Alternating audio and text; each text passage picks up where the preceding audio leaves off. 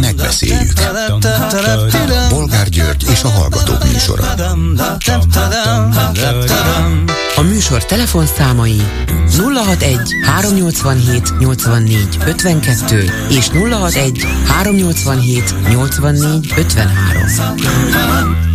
Jó napot kívánok a Klubrádió mikrofonjánál Bolgár György. Mai műsorunkban beszéljük meg, hogy erősödik az antiszemitizmus Európában és az Egyesült Államokban a Hamas döbbenetes terrorakciója óta. Mintha ezért is Izrael lett volna a felelős. Mire készüljünk?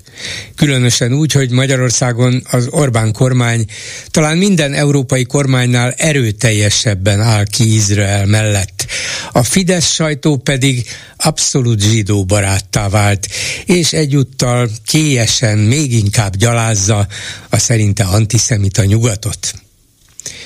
Következő témánk, hogy a demokratikus lengyel ellenzék választási győzelme után Magyarországon is kezdi levonni a tanulságokat az ellenzék. Mégpedig úgy, hogy Miskolcon a demokratikus koalíció és az LMP nem támogatja tovább Veres Pál polgármestert, aki 2019-ben az ellenzék közös jelöltjeként győzött, hanem jövőre önálló jelöltet indít a DK egyik képviselője személyében. Jó stratégia? Mit gondolnak aztán arról, hogy a DM üzletlánc a közelmúltban pénzügyi támogatást ajánlott az Iványi Gábor féle jótékonysági szervezetnek, illetve egy általa fenntartott egyik óvodának. Majd váratlanul mégis visszalépett a segítségnyújtástól. A saját árnyékuktól ijedtek meg, vagy a kormányétól? Mi a véleményük továbbá arról, hogy a főváros nem tudja vállalni a félbemaradt biodom téli fűtésének költségeit. Ezért még az is megtörténhet, legalábbis szakemberek szerint, hogy az épület beomlik. Van erre megoldás, mármint a pénzen kívül? És végül beszéljük meg, hogy a Fidesz média olyan durva és összehangolt támadást indított a budapesti amerikai nagykövet ellen, hogy a következő lépés már a diplomata kiutasítása lenne. Minden erre mutat, de meg tudnak állni az utolsó pillanatban? Vagy megmerik tenni azt, hogy legerősebb szövetségesünk itteni képviselőjét hazaküldik? Telefonszámaink még egyszer 387 84 52 és 387 84 53, a telefonnál pedig Hegedűs Andrea, a Demokratikus Koalíció országos, országgyűlési képviselője, és valószínűleg jövőre Miskolci polgármester jelöltje, legalábbis ezt jelentette be ma Gyurcsány Ferenc pártelnök Miskolcon. Jó napot kívánok! Jó napot kívánok! Hát a kérdésem az, és valószínűleg a hallgatóink is, hogy miért? Mi a baj Veres Pállal? Megmondom őszintén, hogy a Veres Pál, mint iskolaigazgató, mint közoktatásban dolgozó szakemberrel, mint emberrel nincs problémánk. Viszont aggasztónak tartja az LMP is, a Demokratikus Koalíció, és nagyon sokan miskolciak is, hogy hogyan értékeljük Veres Pál viszonyát a Fideszhez. Tehát nekünk az a célunk, hogy a Fidesz ne vehesse át újra a várost. És kérdés az, hogy a polgármester milyen nézeteket val politikailag. Túl kormány közelének érezzük. Tehát, hogy melyik oldalon, oldalon áll itt ez a kérdés, hiszen ha visszaemlékezünk rá, amikor az egyetemi alapítványokról volt szó, akkor Miskolc város polgármestere a egyetemi kuratóriumi tagságot elfogadta annó, még Varga Judit volt, most már volt igazságügyi minisztertől, és eh, annak idején itt Miskolcon ez eléggé megosztotta a közvéleményt, hiszen fontosnak tartjuk azt, hogy a, az egyetem és a városháza között egy hidat egy szellemi tőkét, egy kapcsot alkossunk, de nem olyan áron, hogy a Fidesztől kapott kuratóriumi tagságot élethossziglan elfogadja Miskolc város polgármestere. És szerintem innen indult az a probléma, amely gyűrűzik egészen mostanáig. Tehát a jelenlegi városvezetés ezzel tisztában van, hogy a, kol, a, a frakció, pontosabban így fogalmazok, hogy a frakció ezt tisztában látta, vagy tisztán látta, és javaslatokat is tettünk annak érdekében, hogy például Veres Pál ezt az összeget ajánlja föl nemes célra, idős kluboknak, jótékony célra, de a mai napig ilyen bejelentés nem történt. És hát én értem a felelősséget, amit ön most kérdez, pontosabban értjük a felelősséget, és ez szerint fogunk természetesen eljárni. Én... Nekünk az a célunk, hogy az ellenzéki összefogás itt Miskolcon megmaradjon. Tehát nyitottak vagyunk minden párt felé akik ellenzéki oldalon vannak. Na de hát már Viszont... eddig az ellenzéki pártok közül az MSZP és ha jól tudom a Jobbik állást foglalt Veres Pál újraindulása mellett, az ő támogatása mellett, akkor az ellenzék már is megoszlik. Én azt mondom, hogy ez még nem veszett fejszel, hogy hétköznapiasan szoktunk fogalmazni, mert a DK kezdeményezett egy öt, illetve hat párti tárgyalást, ami még jelenleg is zajlik. És minden egyes megbeszélésen minden párt, ellenzéki párt képviseltette magát.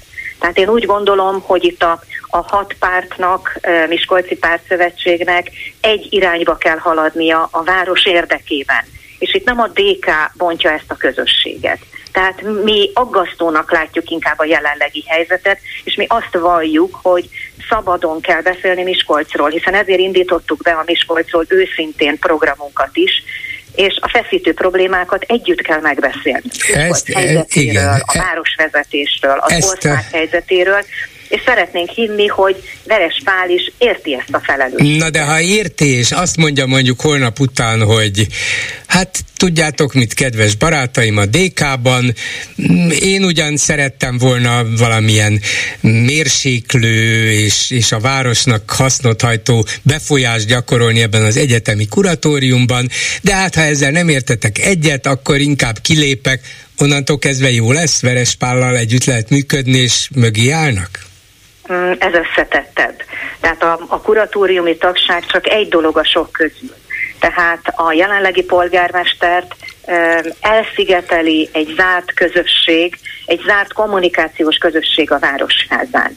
Mi, dékások pedig a nyitottság mellett vagyunk. Tehát mi minden héten, két alkalommal kint vagyunk közterületeken, járjuk az utcát, beszélgetünk emberekkel, eszmét cserélünk, és bizony mindenhonnan a miskolciak többségétől az a vélemény érkezik hozzánk, hogy döntésképtelenség jellemzi a jelenleg Verespál által vezetett ö, ö, városházát. És ez a döntésképtelenség ellen föl kell valahogy lépnünk. Tehát Mi, ezért miben kell, kellene döntenie? Miben kellene, miben kellene döntenie, amiben nem döntött, amiben esetleg a Fidesz fogja az ő kezét és visszatartja? Mi az, amit az ő szemére hánynak? Hát az első dolog az, hogy nem érkezhetnek újabb rabszolgamunkát adó beruházások például a városban. Nem szabad, hogy a város pénzét luxus beruházások fenntartására a, a költse a jelenlegi város vezetője.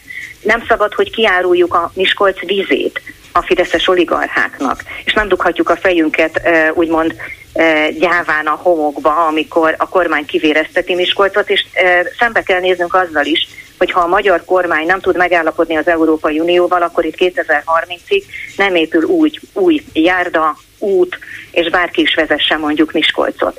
Tehát ez a Fideszhez közel álló kapcsolatépítés eddig nem vezetett semmi jóra, nem tud semmit fölmutatni avval kapcsolatban, hogy miért szükséges a Fidesz-szel ennyire szoros kapcsolatot ápolni. De hát ezek szerint valamilyen beruházás vagy beruházások érkeznek a városba. Lehet, hogy nem jók, vagy nem a legjobbak, ezt nem tudom, de mintha kifejezetten küldenének Miskolcra is beruházásokat, hogy ne csak Debrecenbe menjen, hanem oda is. Ó, persze, igen, viszont ha visszaemlékszünk arra, én pontosan nem tudom idézni Orbán Viktor szavait, de valami olyasmit mondott, hogy három lábon álló akkumulátor nagyhatalommá akarja tenni itt Kelet-Magyarországot, és ugye ez elkezdődött Debrecennel, majd folytatódott Nyíregyházával, és most látjuk, hogy Miskolc közelében 6-7 kilométerre Alsó Zsolcán egy akkumulátor újrahasznosítót, vagy úgy is, úgy is mondhatnánk, hogy akkumulátor bontót tervez a kormány eh, Szijjártó Péter bejelentése alapján. Én úgy látom, hogy a jövőben ez itt nem épülhet meg. Tehát Na de ebbe, ebbe a Miskolci polgármesternek van beleszólása, hogy Alsó Zsolca hogy dönt? Ez az, mert hogy én kérdést tettem föl például Veres Pál polgármester úrnak, hogy mi a véleménye az akkumulátorgyárakról Miskolcon, és uh, hogyan látja Miskolc jövőjét. Tehát itt nem csak arra kell koncentrálni, hogy munkaerőt biztosítunk, vagy munkavállalóknak munkát biztosítunk, hanem arról is gondoskodnunk kell, hogy milyen lesz Miskolcnak a, a levegője, a talaja, a, a talaj, a vize. És hát bizony itt Miskolcon jelenleg a polgármester ebben sem nyilatkozott. Hogyha a polgármester bizonyos dolgokban mondjuk enged az önök követeléseinek, vagy az álláspontjának, akkor esetleg azt mondják, hogy van itt még lehetőség az egyezkedésre. Hát ha ugyanis ketten indulnak ellenzéki jelöltként a polgármester választáson jövőre, Veres Pál is, meg ön is, hát akkor szinte bizonyosra vehető, hogy egyikük sem fog győzni, viszont lesz egy harmadik Fidesz Fideszes jelölt, ő igen. Én megint csak ezt tudom ismételni, hogy értem a felelősséget, meg értjük a felelősséget, ez szerint fogunk eljárni, és szeretnénk hinni, hogy Veres Pál is érti ezt a felelősséget. Ez a felelősség megértés körülbelül abban is megnyilvánulhat, hogy jó, akkor kedves DK, üljünk le, beszélgessünk, bizonyos eh, javaslataitokat. Elfogadom, hajlandó vagyok azt képviselni, kilépek az egyetemi kuratóriumból, szerintem is ez a kormány eh, nyomásgyakorlásának, befolyásának eh, a megteremtésére létrehozott forma, és, és engem is eszközként akarnak ebben felhasználni, újraértékeljük közösen, hogy milyen beruházás beruházások jöjjenek, és milyenek nem, akkor lehet, hogy azt mondja, hogy ön meg a DK vezetése, hogy na jó, hát akkor ilyen feltételekkel akár a jelenlegi polgármester is támogatható? Mi úgy gondoljuk, hogy garanciát erre nem lehet a jövőben biztosítani, viszont az tény, hogy Verespál a demokratikus koalícióval még eddig nem tárgyalt tehát én azt hiszem, hogy erre nem biztos, hogy nyitott már a jelenlegi bejelentés után a demokratikus koalíció és az LMP. Szóval, hogyha Veres Pál, mondjuk láttam az ő bejegyzését, és, és valami olyan megjegyzést tett, hogy majd az, a DK most is ellenzékben, vagy a DK ellenzékben lesz majd, mint a legerősebb ellenzéki erő 2019 vagy 2024-ben is, de hát ugye ennek meg az a veszélye, hogy lehet, hogy a DK is ellenzékben lesz majd 24-ben, de a többi jelenlegi többségben lévő ellenzéki párt is ellenzékben marad, mert a Fidesz győz Szóval értik önök a felelősségüket. Remélem, Igen. hogy Verespál is érzi és érti a saját felelősségét, de meddig feszíthetik kölcsönösen a húrt, hogy ne ketten induljanak szembe egy Fideszes jelöltel, hanem egyezzenek meg. Szerintem június 9-ig még sok víz fog, fog lefolyni itt Miskolcon a színván, de az biztos, hogy a DK és az LMP egy erős, stabil politikai közösség, és szerintem a jövőben tiszta alapokkal, új öm, eszmerendszerrel, új politikai irányjal, igazi baloldali ö, felfogással, baloldali politizálással mi vagyunk az igazi alternatíva. Ez most az öntől, az ön véleménye volt, nyilván az önné is, Igen. hogy a, a, a DK és az LMP egy erős politikai közösség, valami ilyesmit mondott, vagy Igen. pedig ez a legmagasabb vezetőktől érkező, ha tetszik, elhatározás, vagy, vagy szövetség, hiszen ott volt Gyurcsány Ferenc, és ott volt Smuk Erzsébet, az LMP társelnöke is Miskolcon. Lehet, hogy DK-LMP szövetség van alakulóban, vagy meg is köt tettetett? Ilyenről még nem tudok beszámolni önnek, viszont az tény, hogy itt a Miskolci elnökség, az LMP és a DK állapodott meg az én személyemről. Tehát az országos elnökséggel természetesen megtörtént a, a, a konzultáció, de a jóváhagyás, illetve a támogatás a személyemet érintően az itt Miskolcon történt meg. Akkor utolsó kérdésem, hogy mint bejelentett polgármester jelölt két ellenzéki párt, de Miskolcon azért a többséghez tartozó ellenzéki párt vezetőinek részvételével, ez lehetőséget ad-e önnek arra, hogy a következő napokban, hetekben akár kérjen egy találkozót a polgármestertől, hogy Veres úr, üljünk le, látja, itt jelentkeztem, bejelentkeztem, mögöttem a pártok is, tárgyaljunk. Mi egy demokratikus párt vagyunk, úgyhogy én mindenféleképpen a kollégáimmal, a Miskolci elnökséggel ezt egyeztetni fogom. És változatlanul mondom, hogy nyitottak vagyunk, minden ellenzéki párttal együtt szeretnénk működni, együtt szeretnénk indulni a jövő évi június 9-i választáson. Köszönöm szépen Hegedűs Andrea, DK-s országgyűlési képviselőnek, és most bejelentett Miskolci polgármester jelöltjének. Viszont hallásra! Én is köszönöm az interjút, viszont hallásra! Háló, jó napot kívánok! Jó napot kívánok, Nagy Simon vagyok. Parancsolja. Egy, egy, egy érdekes csemegével kezdeném, mert gondoltam, megnézem, így ahogy hallottam az interjú elejét, hogy miért nem ajánlja föl a kuratóriumi fizetését a polgármester úr gondoltam egy érdekes dolgot, megnézek, hogy mégiscsak kik a kuratóriumi tagok a, a közmédiánál. A ja, hogy a közmédiánál. A, a, a, a, a közmédiánál, de sajnos nem jutottam sokra, mert szegény Mandúr Laci a honlap szerint még mindig kuratóriumi tag, tehát ennyire friss a magyar közmédia honlapja. Egyébként azon Debreceni Józsefet azonosítottam, mint igen, igen, igen, igen. Ő ott van, volt, igen. De mintha egyszer talán lemondott volna, de ebben nem vagyok teljesen nem, biztos. Nem, valami, nem, ott valami, van. Nem. Ott van. Hát akkor neki is föltehetjük a kérdést, hogy kinek ajánlja föl a, a, a fizetését. Szóval, hogy, hogy, hogy az ellenzéknek hogy mondjam, úgy látom, nagyon nincsen jobb dolga, mint hogy azon a nagyon kevés pozíción, ami van az országban, azon egymással szembe kezdenek el menni és a nagy nyilvánosságba üzengetni. Szerintem ez gyerekes. Szerintem ez gyerekes, sőt, mi több szánalmas a Fidesz szemszögéből hát még, még, pedig, még hát, lehetne gyerekes is, de, de veszélyes, mert könnyen lehet, hogy ezzel elúszik Miskolc. Én nem mondom, hogy Verespál az a polgármester, aki valóban keményen, pláne nyilvánosan szembeszáll a Fidesz kormányjal, nem, ő nyilvánvalóan szép csendben, kompromisszumokat kötve megpróbál vala, valamilyen eredményre jutni, hogy Miskolc ne járjon túl rosszul a Fidesz ére alatt. Hogy ebben milyen engedményeket tesz, nem tudom. De nyilvánvalóan nem a legharcosabb politikai ellenfele a Fidesznek, de ettől még lehet, hogy népszerű és megtarthatná a pozícióját, és mégse a Fidesz embere.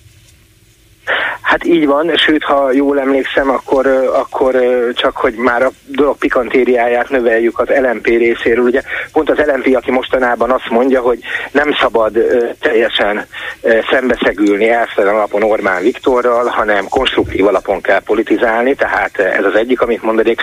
A másik, hogy Ungár Péter is kikérte magának, hogy az a jövedelme, ami hát nem teljesen függetlenül származik attól, hogy a, ő maga együttműködik, az ő cége együttműködik, az ő családja együttműködik a fidesz azt a jövedelmét azért ő elfogadja, amivel egyébként nekem nincsen semmi bajom, csak ezt ő ki is kéri magának. Hát innentől kezdve azért érdekes kontextusba kerül, vagy fénybe kerül egy ilyen e, nyilatkozat.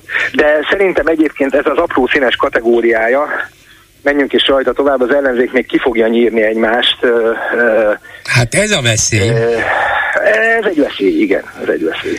Szóval, de menjen tovább nyugodtan, itt csak közbeszúrtam, hogy még ki fogja nyírni egy, egymást, igen, vagy saját magát.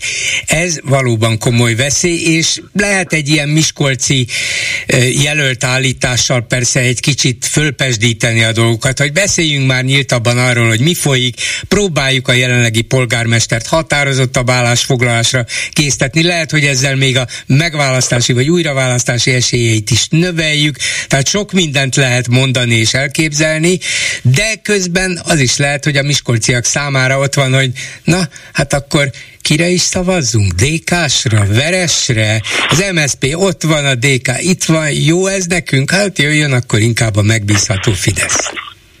Én, én, én, egy picit, én egy picit ebben még radikálisabb is vagyok bolgárul, mert én azt gondolom, hogy a rendszer, mert most a magyarországi rendszer logikájából az adódik, hogy, hogy nem lehet egy megyei jogú várost elveszíteni, kutya kötelességük megegyezni, a háttérben egy jelöltet állítani, mivel az emberek, mivel az emberek nem a pártpolitikát keresik elsősorban az önkormányzati választásoknál, ezért itt nyugodtan összefoghatnak, és ugye nem is kell a pártoknak valójában összefogni, a pártoknak csak csöndben végezni kell a dolgukat, és hagyni kell, hogy az inkumbens polgármester jelölt elinduljon, megnyerje a választást, aztán alkudozzanak majd egymással a koalíciós tárgyalásoknál legyen DK-s alpolgármester, állítsanak kemény feltételeket, szóval, hogy nem mondjam, politizáljanak a szónak a nemes értelmében.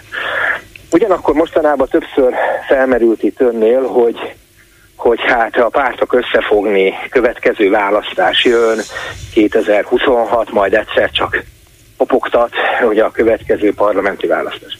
De én azt szeretném mondani, hogy, és, és hogy és tulajdonképpen itt többször elhangzott az elmúlt héten, hogy össze kellene fogni. Azt hiszem, hogy nagyon kevés ember látta a hat párt összefogását közelebbről, mint én magam, ott dolgozva a hatpárti kampányközpontban, a Hold utcában.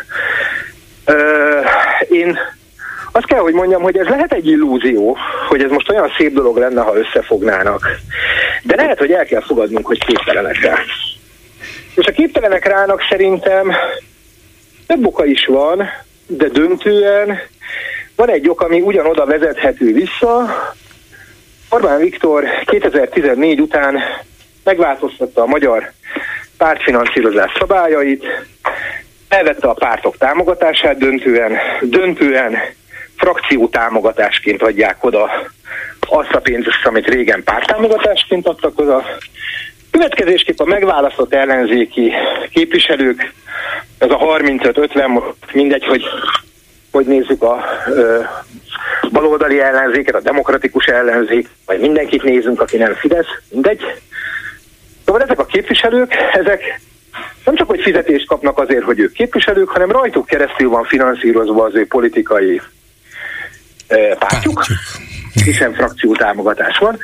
Tehát ők nem érdekük igazából, hogy megújuljanak. Mindenki a saját helyét félti, és féltve őrz. Egy emberi dolog szerintem ezzel amúgy nincsen probléma, de ez magában hordozza azt, hogy gyakorlatilag elbukott az ellenzék x darab választás, és hogy legyünk őszinték, gyakorlatilag ugyanazokat a szereplőket nézzük 13 éve.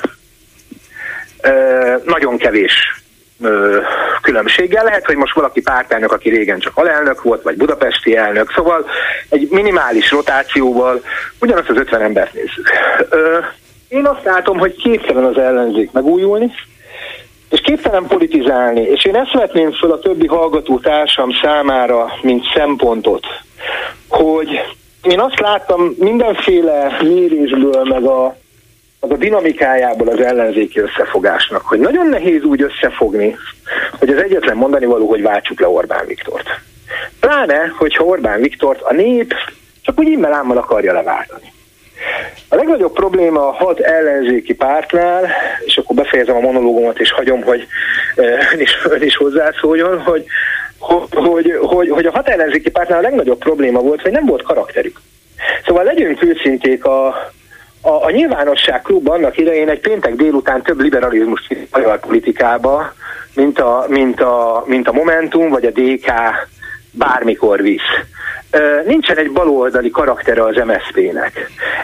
Ez a, most nem jut eszembe, tánat bunkó vagyok, hogy nem jut eszembe a jogász úriembernek a neve, aki küzd a, az eutanázia jogáért Magyarországon. Karsai. Ő, Karsai, Karsai, Karsai bocsánat. Ő egy maga több ö, liberális tema, tematikát és közbeszédbe való tematikát vitt be a magyar közéletbe, mint bármelyik párt az elmúlt években. És nagyon nehéz úgy, tehát Értem, amit mondani akarok, most minden, minden ö, ö, él nélkül, és mindegy, hogy én nem tudok vele azonosulni, de hát a Jobbik nem volt eléggé náci.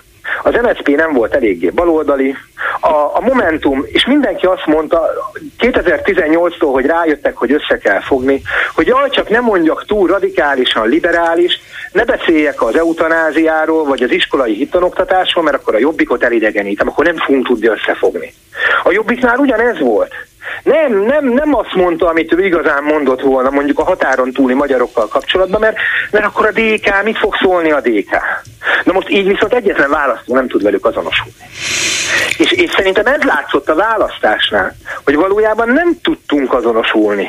Nem tudtam jó szívvel azt mondani, hogy baloldaliként, liberálisként én elmegyek, és rájuk szavazok, mint a, és ez a nagy különbség a lengyeleknél. Ha megnézi a lengyelek választási programját, karakteresen baloldali. Gond lesz, a, gond lesz, meg fognak egyezni, de gond lesz a tárgyalásnál, mert az egyik azt mondja, koalíciós tárgyalásnál, mert az egyik azt mondja, hogy ki az iskolából a, a vallásoktatással.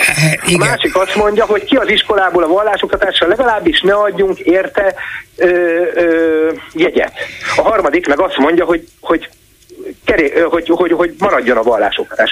Hát, hát így nem lehet össze. Hát Bocsánat, nem tudom, be kell fejeznünk, mert mindjárt Igen. beszélek, itt van vonalban Jeszenszki Géza, és azt hiszem, nem tudom, csak hiszem, hogy ő is az ellenzékre szavazott 2022-ben, ebbe, erre az ellenzéki összefogásra, én is, és szerintem nagyon sok politikai, ideológiai kérdésben különböző a megközelítésünk, a konkrét álláspontunk, és ezt mégis össze lehetett egyeztetni, mert úgy gondoltuk, hogy vannak bizonyos alapértékek, amelyeket Orbán Viktor és rendszere lábbal tapos, vagy el is tiport, és ezeknek, a, ezeknek az ügyeknek a, a képviseletében, illetve az eltiport ügyeknek a képviseletében a demokrácia helyreállítása érdekében szükség van arra, hogy együttműködjön az ellenzék.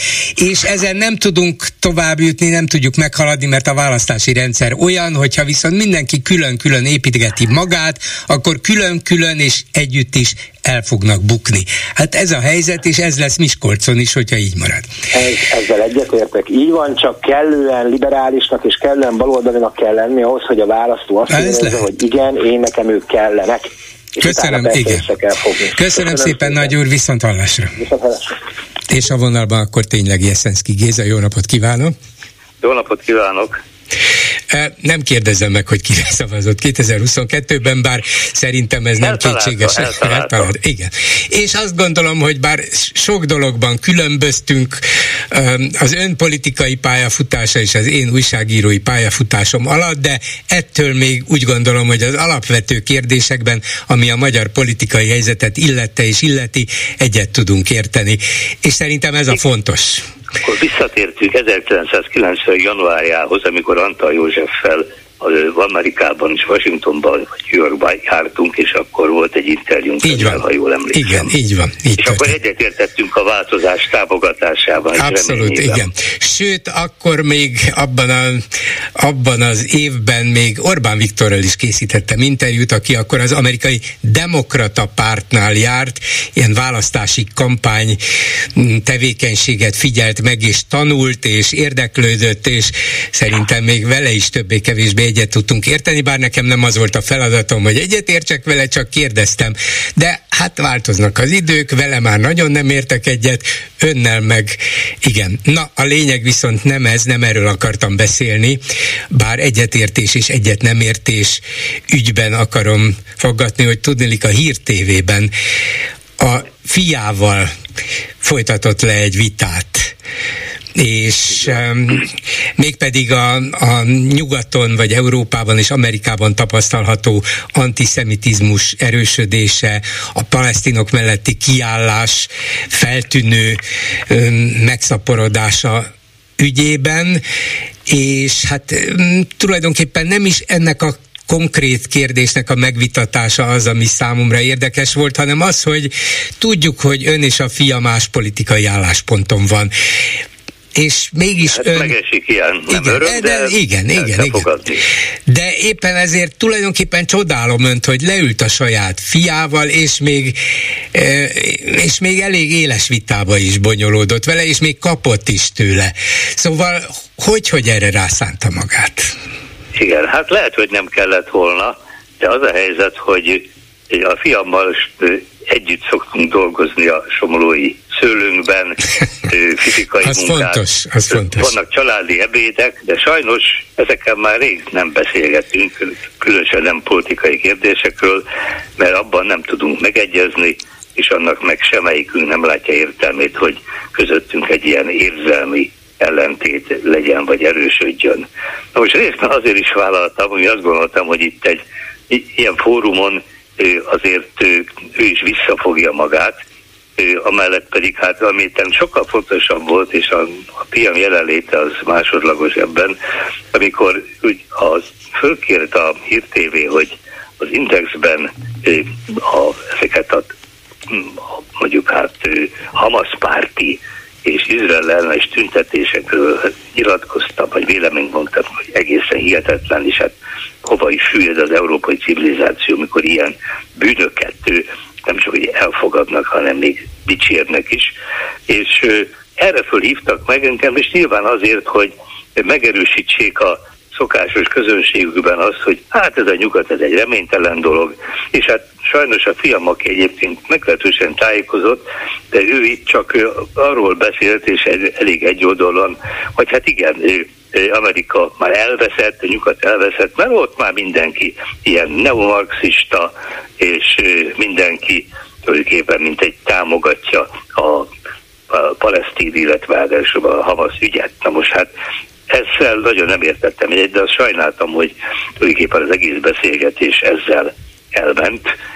Amit én szerettem volna hangsúlyozni, és hát így sajnos csak nagyon kevéssé tudtam, hogy a, egyrészt száfolni valóban az, hogy hát azért a nyugaton ezek aberrációk szerintem, ezek nagyon sajnálatos dolgok legyen az a, a amerikai vókizmus és szobor döntések, eltávolítások, de ezek továbbra is csak egy törpe kisebbséget képviselnek. Nagyon hangos kisebbség, vannak közöttük félrevezetett, jó szándékú emberek, akik a ló túlsó oldalára estek át, amikor mondjuk a fekete afroamerikai lakossággal szembeni korábbi diszkriminációt elítélve egyszer csak átcsapnak egy fehér ellenes diszkrimináció támogatóivá.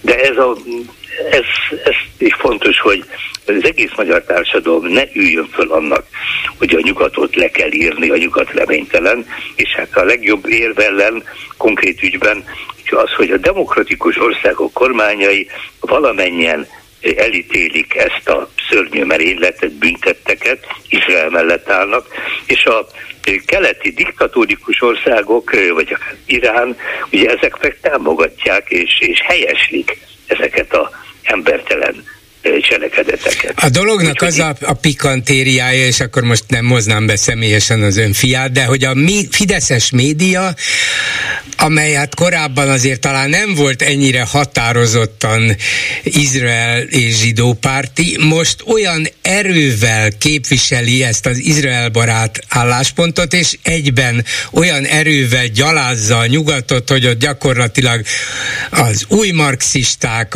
az őrült baloldali férfiak vannak hatalmon, vagy ők gyakorolnak totális befolyást a szellemi élet fölött, és hát nem beszélve a migránsokról, akik aztán még inkább. Szóval a nyugatnak vége, mert a, az új marxizmus uralma alá hajtotta a fejét önként és dalolva. Mi vagyunk az egyetlenek szinte, akik védelmezzük a normális, nyugodt, keresztényi Európát. Szóval úgy érzem, hogy a dolog hát egyrészt paradox, másrészt egészen meghökkentő, mert ugye mégsem ez történik nyugaton, van ott sok minden, éppen a demokrácia természetéből következően bizonyos dolgokat ott akkor is, ha nem tetszik, engedélyeznek.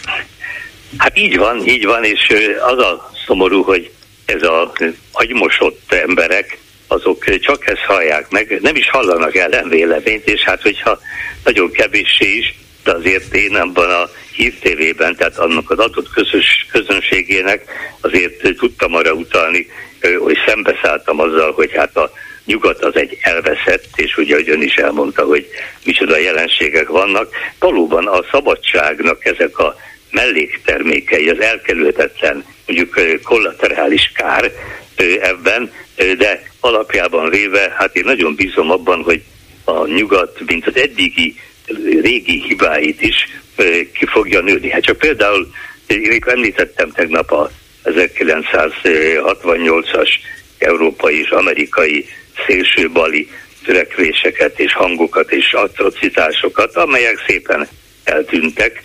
De említhettem volna azt, hogy 1930-as években Nyugat-Európában is, Egyesült Államokban is egy olyan illúzió alakult ki a Szovjetunióval szemben, éppen akár a nagy perek 36 után, ami fakadtak azok az árulók, mint a Kim, Kim Philby, és Amerikában olyan kommunista pártagok, titkos kommunista pártagok, akik rengeteg kárt okoztak.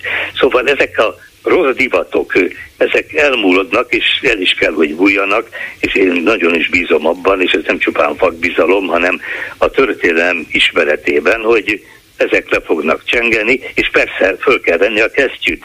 És azt mondjuk helytelenítem, hogyha ezekkel szemben mondjuk a rendőrség is nem nagyon mert fellépni, vagy az egyetemeken szerintem a létező csendes többség nem mer kiállni a hangos és intoleráns kisebbségek. A, a demokráciát szemben. meg kell védeni. Így van, nem lehet abba, arra hagyatkozni, hogy hát demokrácia van, hát akkor majd megvédi az önmagát. Nem, ez velünk együtt demokrácia. És egyébként ugye éppen ez a, ezek a hangok, ez a szélső baloldali, vagy akár ahhoz hasonló szélső jobboldali hangok, ezek a türelmetlenek.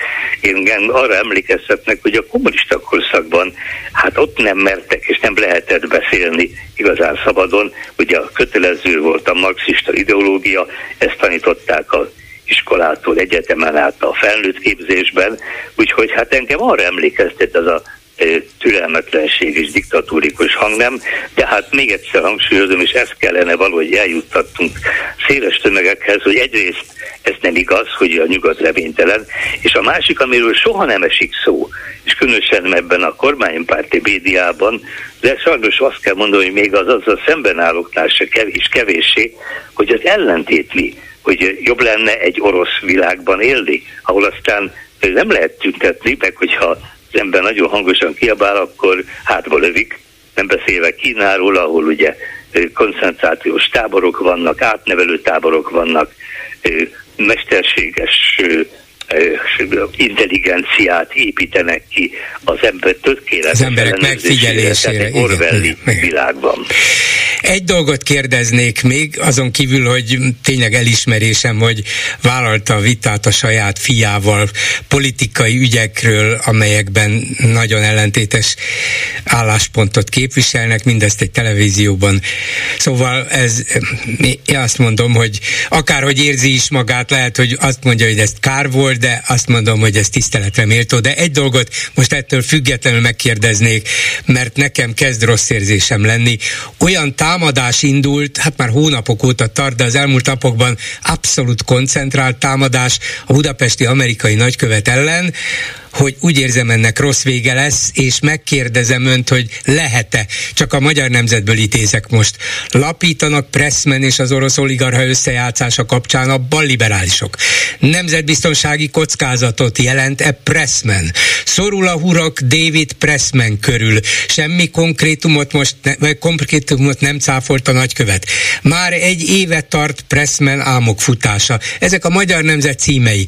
Nekem az egész logikailag odáig vezet, legalábbis elméletben, hogy itt egy dolog maradt hátra, kiutasítják az amerikai nagykövetet, mint aki Magyarország biztonságát veszélyezteti. Elképzelhető lehet egy ilyen végjáték? Hát én azért remélem, hogy ideig nem jutunk el, de lehet, hogy a kampánynak egy olyan célja, vagy szerényebb eredménye, hogy Amerika elütélve ezt a magyarországi hivatalos körök részéről tapasztalható magatartás, de úgy látja, hogy mégiscsak ez a nagykövet nem alkalmas arra, hogy ezt valahogy rendezze, vagy Magyarországot talán, a magyar kormány talán más angol, más eszközökkel kellene mondjuk jobb útra téríteni. Én nem hibáztatom egyáltalán a nagykövetet, sőt, hát én a szókimondást, legyen az akár a diplomáciában is, helyesnek tartom, és ne kerüljük ugye meg a valóságos dolgokat, de az, hogy egy szövetséges, a legfontosabb szövetségesünk nagykövetével szemben ilyen hangot ütnek meg, hát ez egyszerűen nem csak, hogy fölháborít engem is, aki általánosságban Amerikát sokra tartja, és hát az amerikai emberekről általában jó a benyomása, másrészt pedig hát ez ennél károsabb dolgot nehéz elképzelni, hogy még jobban magukra akarjuk haragítani az Egyesült Államokat, és ő. De egyébként, hogyha Trump, nehogy Isten, ő lenne a következő elnök, Orbán Viktor bajban lesz, mert Trump aztán eléggé Kína ellenes, úgyhogy ez a nagy kínai barátság, ez biztos nem passzolna egy Trumpi vezetéshez sem.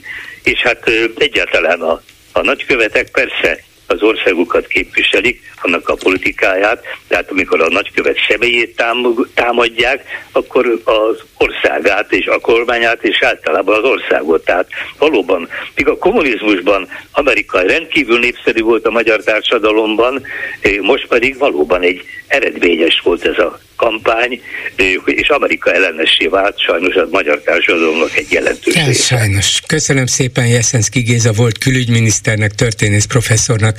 Viszont hallásra. Viszont hallásra. A telefonnál pedig Déri Tibor Újpest polgármestere. Jó napot kívánok! Jó napot kívánok! Üdvözlöm a hallgatókat! és azt olvasom, hogy megakadályozzuk a bakancsos hordák megjelenését Újpesten, azt is, hogy betilt betiltotta, vagy betiltaná ezt a novemberre tervezett neonáci összejövetelt, ami gyakorlatilag valamilyen zenei esemény koncert formájában jönne létre, de be tud tiltani egy ilyen rendezvényt a polgármester, vagy csak megkér bizonyos szerveket arra, hogy tegyenek meg mindent ellene? Hát ez nehéz és összetett kérdés, de én azt mondom, hogy ha egy közösség szeretné azt, már pedig szeretné azt, hogy egy ilyen rendezvény ne legyen Újpesten, akkor minden ilyen rendezvény szervezőnek kutyakötelessége valamilyen szinten figyelembe venni ezt az álláspontot.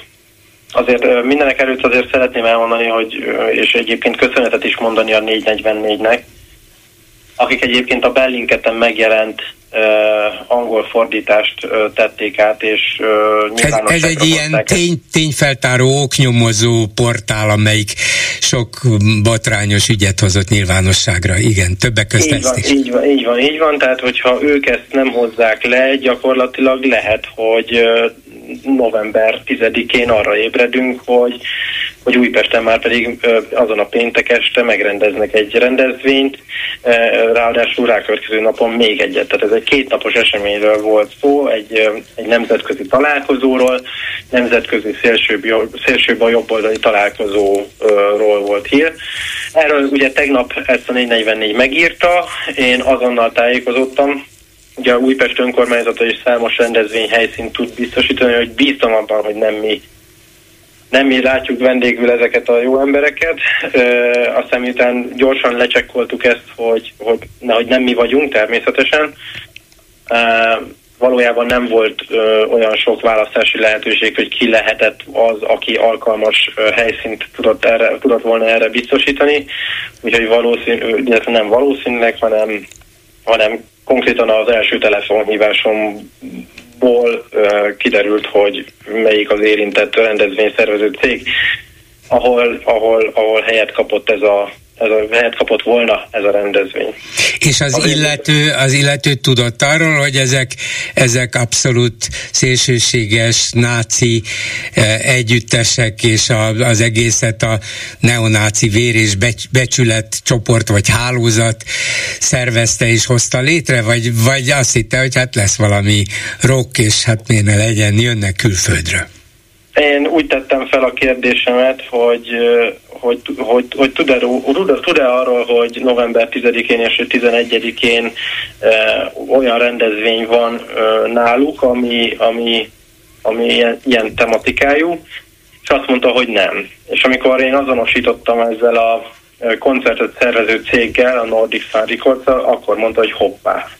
Szóval én abszolút, és ezért nem is következetesen nem is említjük a, a rendezvény uh-huh. helyszínt, mert, mert csőbe húzták őket, őket valószínűleg? Őket Tessék? Mert csőbe húzták őket valószínűleg, szóval nem tájékoztatták őket. én azt uh-huh. gondolom, sőt, miután ugye egyeztettünk és beszéltünk, ezután számomra egyetemben kiderült, hogy igen, csőbe húzták őket.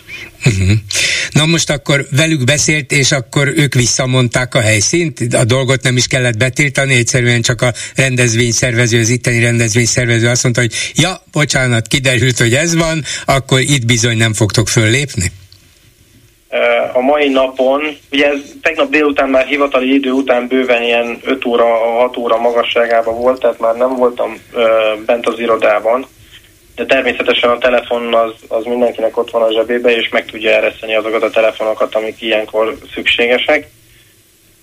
És a mai nap, mai nap reggelén egyébként levelet írtam számára hivatalos úton is, valamint Budapest rendőrkapitányának, valamint Újpest két országgyűlési képviselőjének, hogy mindenképpen álljunk ki ez ellen közösen, és próbáljuk megakadályozni, hogy ez megtörténjen. És én egy pár órával ezelőtt kaptam egy telefont a helyszínt biztosító cégnek a vezetőjétől, hogy visszamondták a rendezvényt. Uh-huh. A rendőrkapitány nem válaszolt, mert ugye még az is elképzelhető, november 10-ig van még idő, hogy megpróbálnak keresni valamilyen más helyszínt. Tehát a dolog mégiscsak ott áll vagy bukik, hogy a rendőrkapitány azt mondja, hogy itt bizony nálunk nem, mert ez egy ez a vér és becsület, ez, ez nem szervezhet semmit sem, ez több országban be is van tiltva, nem is tudom, hogy Magyarországon nincs. A lényeg, hogy akár be van, akár nem megérdemelni. Szóval nem jött hivatalos válasz arra, hogy köszönjük az értesítést, köszönjük, hogy fölhívta rá a figyelmünket, ha már mi itt nem vettük észre, ha már kellett hozzá egy külföldi oknyomozó portál, de megtesszük a szükséges intézkedéseket? Én, én egyelőre nem írnám, nem, nem mondanám ezt le, hiszen mi is ezt a levelet ma küldtük ki. Tehát, az úgy ja, tudom, lehet, hogy válaszolnak, ilyen, értem, igen. Ilyen dél körül, dél körül kaphatta meg de ezzel, tehát ezzel párhuzamosan mi az újpesti rendőrkapitányjal, Hajdú Károly ezredes úrral az egész nap tartottuk a kapcsolatot, és beszéltünk az ügyről, és igen, ezt, amit ön is mond, ezt a veszélyt, már pedig az, hogy lehet, hogy Újpesten nem, illetve Újpesten nem, de más kerületben viszont felbukkanhatnak, erre figyelmeztettem egyébként koalíciós polgármester, polgármestertársaimat, akikkel egy közös csetben ezt, erről beszéltünk a mai napon. Úgyhogy mindenkinek fontos, hogy éber legyen, és hogyha szükséges, akkor a, akkor a lépéseket is megtegyen annak érdekében, hogy ne tudjanak érvényesülni ezek az eszmék Magyarországon és hát, Budapesten. Igen, hát mondjuk most e pillanatban még a, bár ön ellenzéki színekben indult polgármester, de még a kormány is azt kell mondanom, hogy száz százalékig azonos platformon áll önnel meg önökkel, mert éppen a Hamas terror támadása óta egyértelműen figyel arra, hogy nehogy valamilyen antiszemita megnyilvánulás történhessen Budapesten vagy Magyarországon, úgyhogy ebben valószínűleg partnerek lehetnek, és nem, nem kell túlságosan verni az asztalt, hogy csináljátok már valamit. Mi csak nagyon-nagyon, tehát mi abszolút a köszönettel és hálával tartozunk a magyar rendőrségnek, és szerintem egy jó együttműködés alakult ki Újpesten az elmúlt évek során. Um, problémánk nem volt ezzel kapcsolatban. Én úgy gondolom, hogy a partnerként tekint egymással két szervezet, akár önkormányzat, rendőrség, akkor abból egy jó kapcsolat tud kialakulni, hiszen én úgy gondolom, hogy minden, minden, mind, mindkét szervezetnek ugyanaz az érdeke. Köszönöm szépen Déri Tibornak, Újpest polgármesterének. Viszont hallásra! Viszont hallásra minden jót kívánok! Csak röviden, hogy mit ajánlok ma délután, vagy legalábbis azok közül néhány dolgot. Miskolcon a DK elnöke Gyurcsány Ferenc bejelentette, hogy a párt önálló polgármesteri jelöltet indít, Hegedűs André országgyűlési képviselő személyében, aki miskolci politikus egyébként, és őt támogatja az LMP is. Ezzel a párt, a két párt kiáll a jelenlegi polgármester Verespál mögül, aki az ellenzék pártjainak támogatásával nyert 2019-ben, és eddig már felsorakozott mögötte az MSP és a Jobbik. Úgyhogy itt az, az ellenzék szakad, vagy szakadhat, Kérdés, hogy miért, mi értelme van ennek, vagy vezete ez bármi jóra, esetleg további visszáj forrása lesz, akár Miskolcon, akár másutt, és um, talán azt is érdemes megbeszélni, hogy egészen elképesztő támadás sorozatba kezdett a Fidesz média, de persze néhány kormányzati politikus is, a külügyminisztert beleértve Pressman budapesti amerikai nagykövet ellen. Én ebből azt a logikai következtetést vontam le, hogy szerintem érik a nagykövet kiutasítás. Egészen példátlan dolog volna legfőbb és legerősebb szövetségesünkkel szemben, de valami olyan nyomás nehezedik rá, amire, amire valahogyan reagálnia kell Amerikának is, vagy ha nem teszi, akkor a magyar kormánynak is lépnie kell tovább. Jeszenszki Géza volt külügyminiszter és volt washingtoni nagykövet, erre azt mondta, hogy még az is elképzelhető, hogy az Egyesült Államok kormánya fogja eldönteni ezt, hogy inkább visszahívja a nagykövetet, mert mert nem tudja jobb belátásra bírni az ő révén a magyar kormányt, és lehet, hogy mással, más módszerekkel kell inkább próbálkoznia. Ez mondjuk a gyengeség jele volna Amerika részéről, de hát a diplomácia rejtelmeit nem mindannyian és nem teljesen ismerjük, úgyhogy még ez is bekövetkezhet. De szerintem érdemes figyelni, itt valami történni fog. Nem hiszem, hogy ez csak úgy egyik napról a másikra abban marad. És még valami, Vittézi Dávid volt közlekedési államtitkár, hívta fel a figyelmet a Telexen arra, hogy tegnap este újból benyújtották az országgyűlésnek azt a törvényjavaslatot, amelyet Lázár János építési és közlekedési miniszter írt alá, és ez miniszteri hatáskörbe vonná az összes Európai Uniós forrásból megvalósuló városi, helyi beruházást, közlekedését, köztérfejlesztését, egyéb infrastruktúrális beruházást, és ahol legalább 50%-ban a központi költségvetés vagy Európai Uniós forrás állja a beruházásnak a költségeit, azt az állam, illetve a miniszter fogja irányítani. Azt mondja tehát Vitézi, hogyha egy villamos korszerűsítés zajlik Budapesten, vagy rakpart átalakítás, vagy bármi más, ami, amiben például uniós pénz, vagy kormányzati pénz van, akkor a főváros vezetését szépen félretolják, a miniszter irányít, ami hát totális központosítást akkor maradhat, vagy lehet akár Orbán Viktor miniszterelnök, ezt már nem vitézi mondja, Orbán Viktor miniszterelnök és főpolgármester, Lázár János miniszter és főpolgármester helyettes, erre megy ki a dolog, mindent ők csináljanak, mindent ő, ők intézzenek, senkinek semmilyen beleszólása ne legyen semmibe, választhatják karácsony még egyszer főpolgármesternek, csak éppen nem lesz semmi dolga egész hihetetlen. 387 84 52 és 387 84 53 a számunk. Háló, jó napot kívánok! Jó napot kívánok, Kódara Zsuzsa vagyok. Parancsoljon. És már ezredszer hallom a klubrádióban, mert állandóan azt hallgatom, kivéve amikor a internetet keresek, hogy az ellenzék nem csinál semmit. Akinek van internetje, az menjen fel a YouTube-ra, vagy a, akár melyik ilyen oldóra, keresse meg rajta, és minden pártnak van valamilyen ö, szervezkedése. Nagyon, tudom a Momentumról is, meg másokról igen, is, hogy járják be is, szám, be is számolunk róla, így van, meg a DK is országos hát kampány, persze, és, és a DK-nak árnyékkormánya, programja, egészen részletes von, mi, filmecskék vannak, amiben elmondják, hogy erre, arra mit csinálnak. Minden pénteken 6 órától, még szerencsé, hogy észrevettem, hogy péntek van, különadás. Tehát nem igaz, hogy nem csinálnak, és nem csak a DK, mások is. Szóval Valószínűleg az, az magyarázza ezt, hogy ezt hallja folyton, hogy nem csinálnak olyasmit, amitől megváltozna a magyar politikai helyzet, és olyan nem, tényleg nem. konkrét javaslatok és összefogás másokkal. Szóval ez, ez az, ami itt tudatlanságra van. A másik, amit mondani akartam, oda Isten, azt elfelejtettem. Na.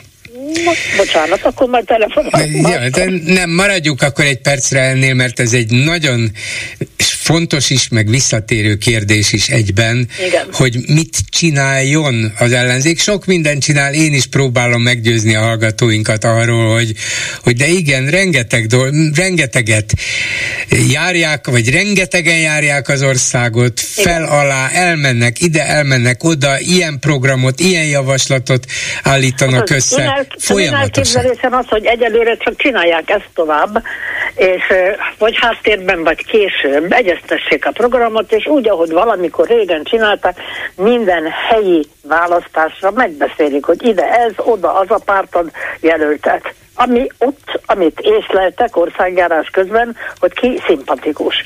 Hát hiszen a országjárás közben nem csak ők dumálnak, hanem hallják a mások véleményét is.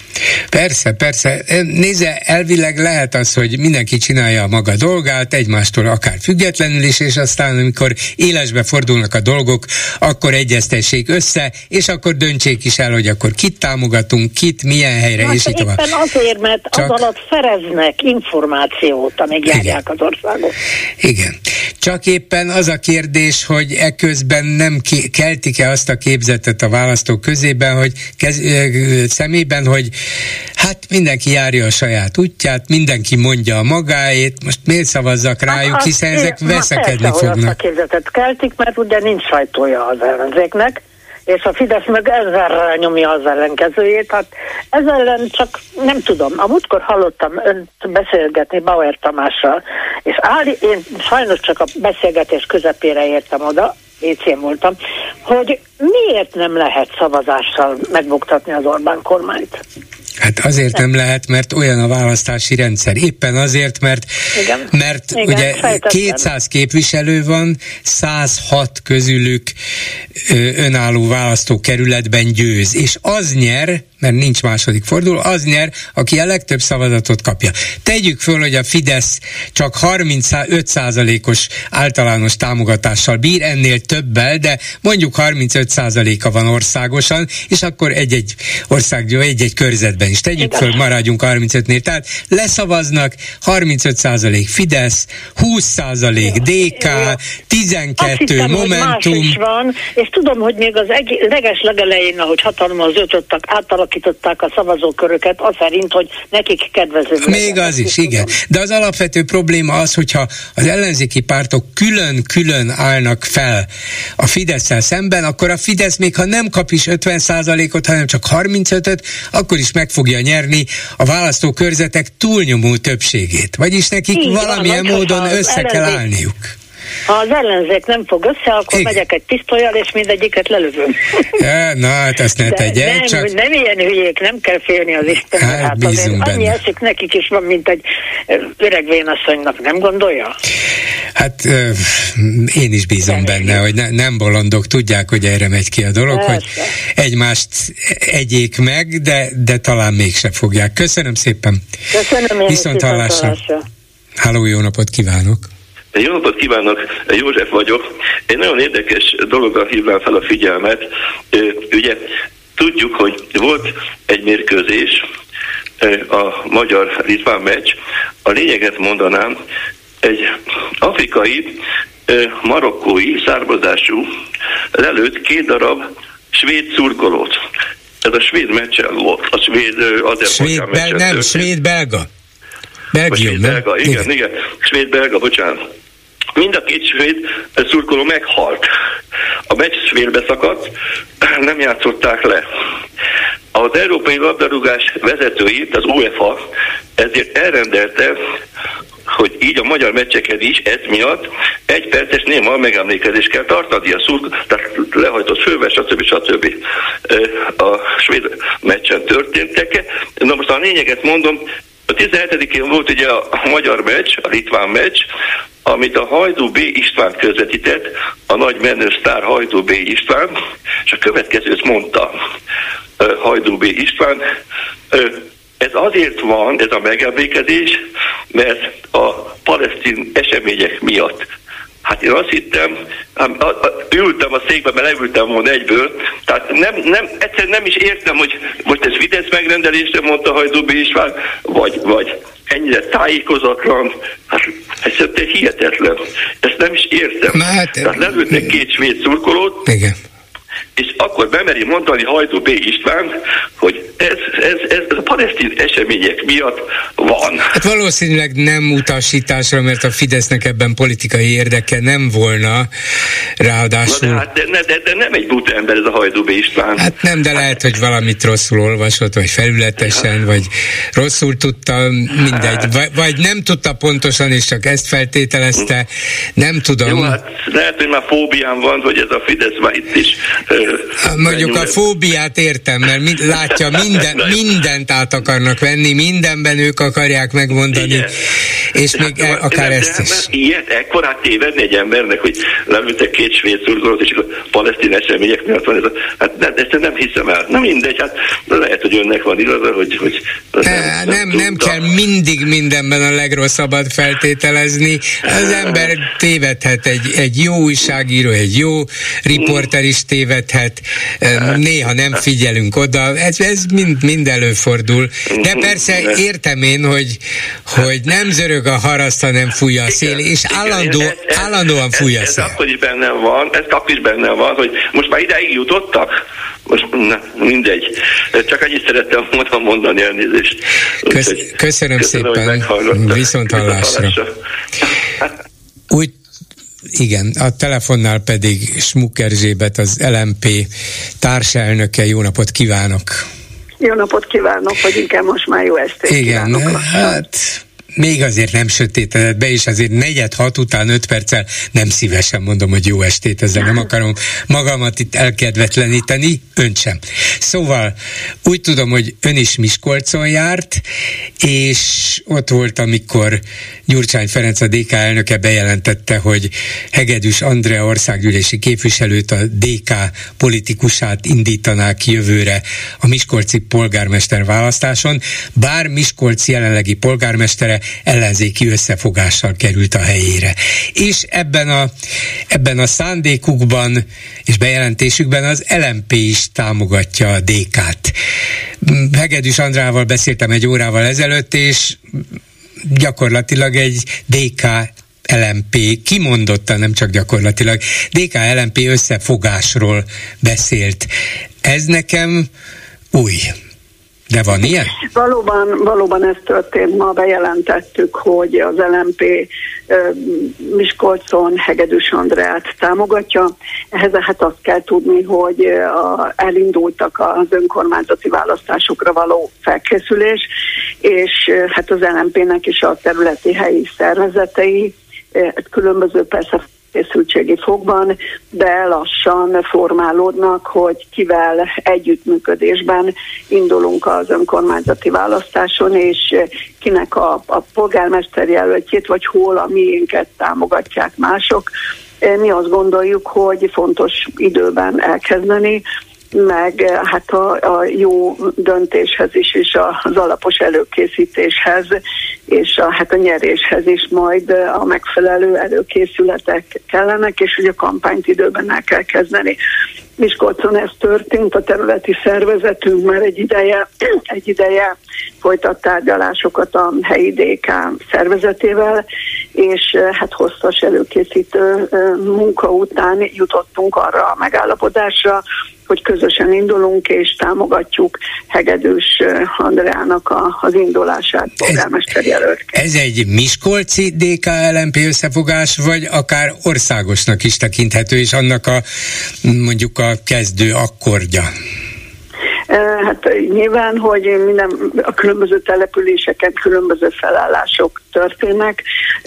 Hát a helyi területi szervezeteink készítik elő. Én azt gondolom, hogy nagyon sokféle felállás lesz, lesznek olyan települések, ahol négy-öt-hat ellenzéki párt is összefog, lehet lesznek olyanok, ahol kevesebb, tehát ez nagyon-nagyon változó, attól függ, hogy, hogy nyilván a másiknak mit ajánl, illetve mi, mi azon az állásponton vagyunk, hogy kiben és kikben látjuk a garanciát leginkább arra, hogy zöld programot megvalósítson, mert hogy azt látjuk, hogy e, nagyon komoly kihívások előtt vannak az önkormányzatok. Hát most gondoljunk csak Persze, nyilván szociális kérdésekben is, mert nagyon sokan megélhetési nehézségekkel, szociális problémákkal küzdenek a különböző városokban, településeken, kisebb falvakban, de mellett új problémaként egyre inkább megjelenik például,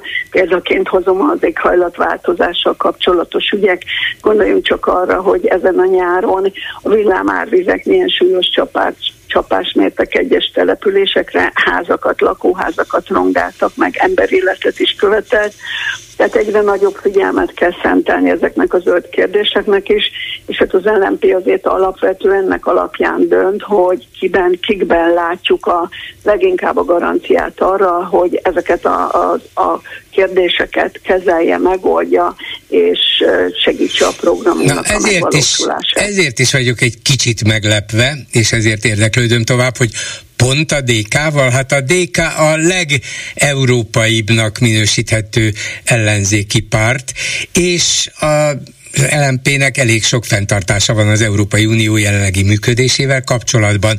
Nem mondom zöld ügyekben, nyilvánvalóan a, a DK is igyekszik lehetőleg minél zöldebbnek lenni, de hát ott van a párbeszéd, az is egy zöld párt, és hát mégsem jó a párbeszéd kisebb a DK-nál, ezt tudom. Szóval annyi, ráadásul a DK-t egy liberális, baloldali liberális pártnak tartják, az LMP pedig hát nem nagyon liberális, szóval miért pont ők?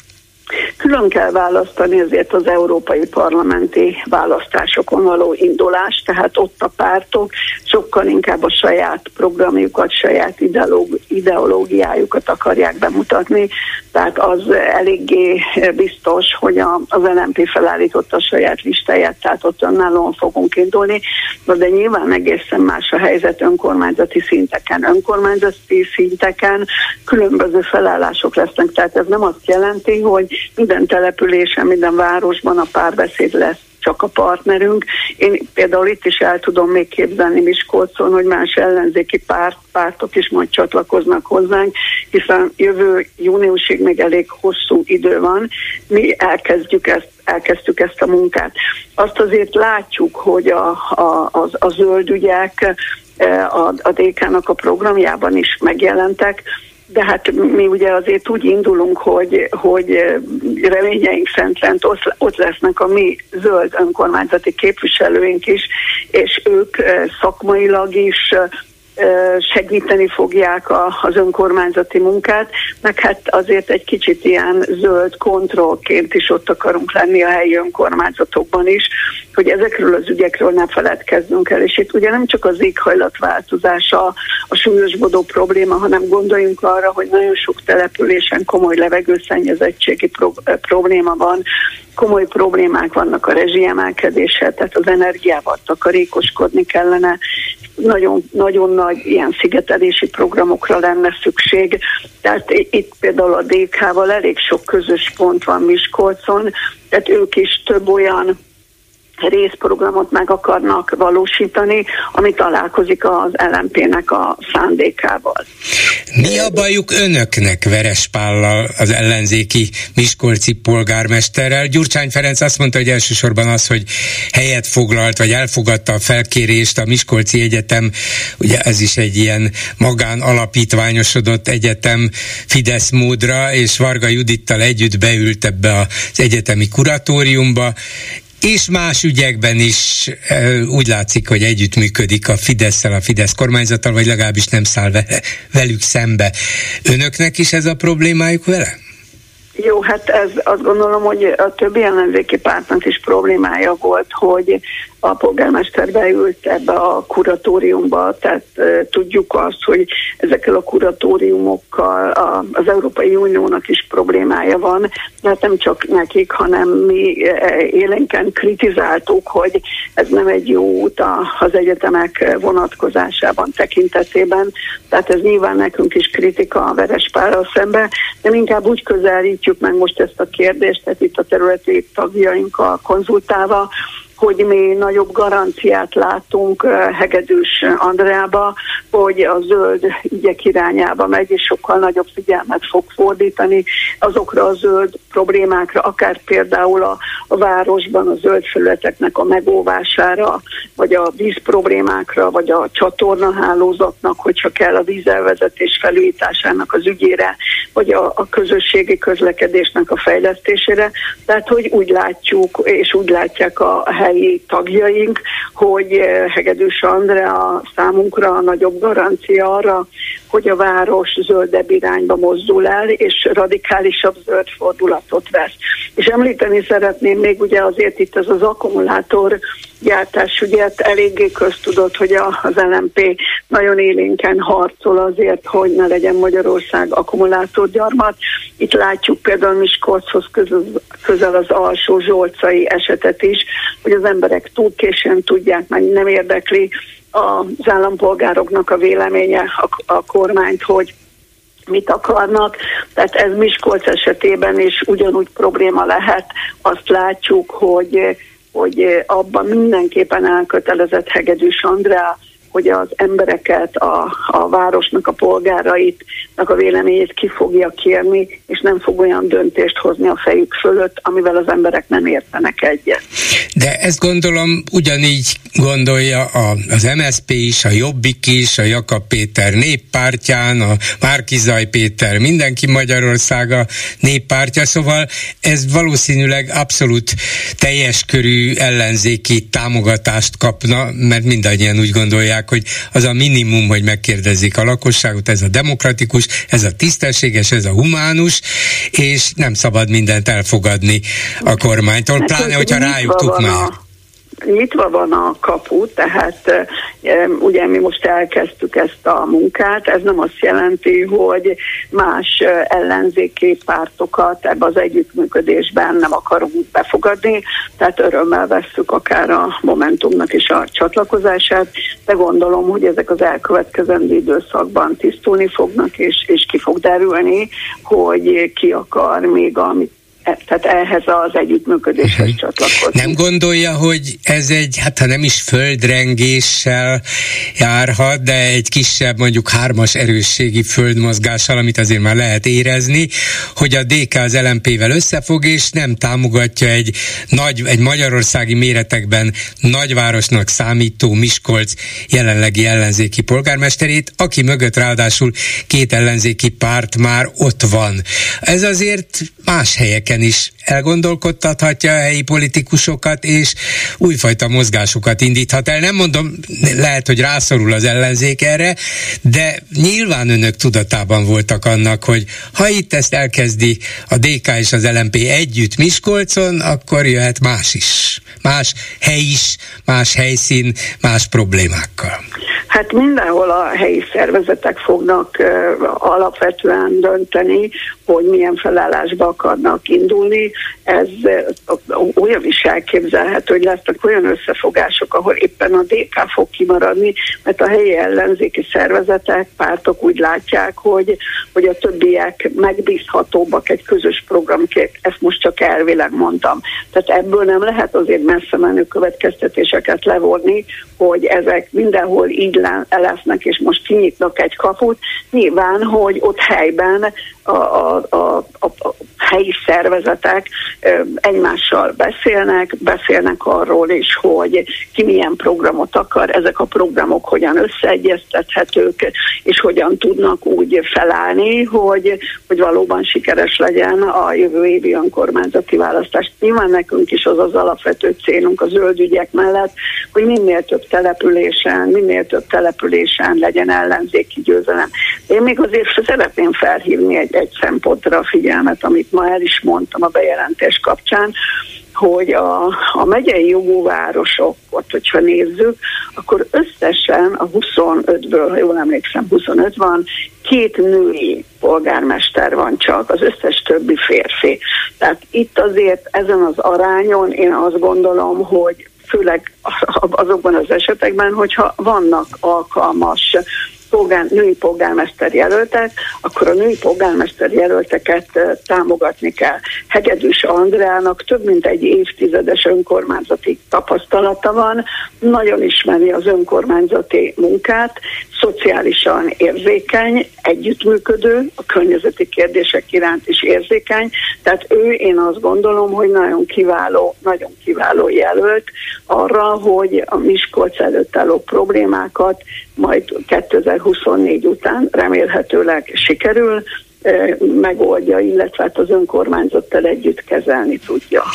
Én tudom, hogy az önkormányzati választások elsősorban is jó részt és normális módon helyi ügyekről fognak szólni, de azért gondolom önök is tisztában voltak és vannak azzal, hogy egy ilyen bejelentés után elkezdik országosan figyelni önöket, hogy na most a DK és az LMP együtt mozog-e a továbbiakban.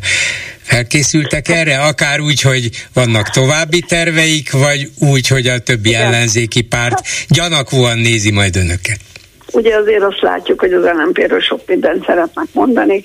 Vannak ugye olyanok, akik azt mondják, hogy ugye mi a Fideszhez húzunk, e, és nem gondolják végig azt, hogy igen, mi a saját utunkon megyünk, azon az úton megyünk, hogy Magyarországon zöld politikára, a zöld ügyek sokkal erőteljesebb képviseletére szükség van, és mi alapvetően ezen a vonalon fogunk tovább menni. Eddig is egyébként ezt tettük, hogy ez fogja meghatározni a jövőben is a politikánkat, hogy ezt szerint mérjük, hogy kivel, hogy, mikor, milyen módon működünk együtt. Köszönöm szépen Smuk Erzsébetnek, az LMP országgyűlési képviselőjének. Viszont hallásra! Köszönöm szépen, viszont hallásra! Háló, jó napot kívánok! Hello, jó napot kívánok, üdvözlöm a hallgatókat.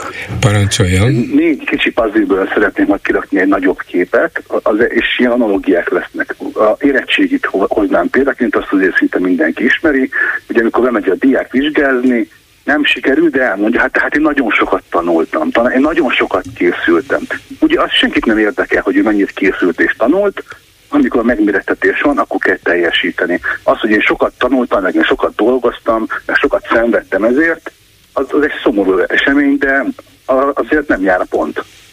Tehát ez az egyik. Tehát amikor elmondta az előző betelefonban, hogy nagyon sokat dolgoznak a ellenzéki pártok, és mennek és jönnek, ez a szükséges, de nem elégséges munka, ezt meg kell csinálni, hogy majd ezt termére fordítsák egy sikeres vizsgára, ahol szereznek mandátumot. Mindaddig az az előfeltétel nagyon becsülendő, de per pillanat a nulla. Igen, és, a, és a tanár, vagy a vizsgáztató tanár az éppen a választó közönség, amelyik lehet, hogy csalódott, és azt mondja, ez nekem nem elég. Így van, mondnak kettes puzzle kockát. Ugye egy közvélemény kutatás által önök is beszámolnak, ilyen ezres, kétezres mintákon zajlik, az már azért reprezentatív, és a pártok ugye remegve figyelik, hogy mikor mit mérnek rajtuk. Én most megnéztem a tavaly előtti ö, előválasztásnak a, a statisztikáját, ott 662 ezer ember ment el választani, ezek közül 150 ezeren majdnem online, és bízom benne, akik ott egyesével személyesen azonosítva lettek, ők biztos adtak felhatalmazást, hogy őket később is meg lehet keresni, írni kell egy telefonos alkalmazást, kiküldeni ennek a 150 ezer embernek, és a pártok szépen szavaztathatják ezeket az embereket, újak is regisztrálhatnak, fideszesek is jöhetnek, személyesen beazonosítják magukat, leszavaznak, és fognak kapni egy nagyon pontos eloszlás, vagy egy ilyen arányt, hogy hány, hány polgár szavaz az MSZP-re, mennyi a DK-ra, mennyi az LMP, tehát teljesen felesleges elfüstölni az önkormányzati választást arra, hogy egy kutatást csináljanak. Miközben megcsinálhatnak ezt most online, szinte ingyen, és akár hetente dobhatnánk fel egy új kérdést, sőt mondhatnám, megtervezhetnék az ellenzéki programot a választók bevonásával. Ők mondjuk feldobják első kérdésnek, hogy a következő három téma körül melyik a legfontosabb, egészségügy, oktatás, vagy nem tudom, valami harmadik. De ezek csak a politikailag legaktívabb emberek volnának, és nem csak azok fognak elmenni szavazni, hanem a kevésbé aktívak, kevésbé érdeklődők is, mert azt mondják, hát elmegyek azért szavazni a városban, vagy az európai parlamenti választásra, jó, leadom, de nem figyelnek annyira, hogy egy ilyen kvázi online közvéleménykutatásban részt vegyenek. Ugye van ez a fajta engagement, hogy ilyen elköteleződés, hogy ilyen kapcsolódás van ilyen embernek szervezet között.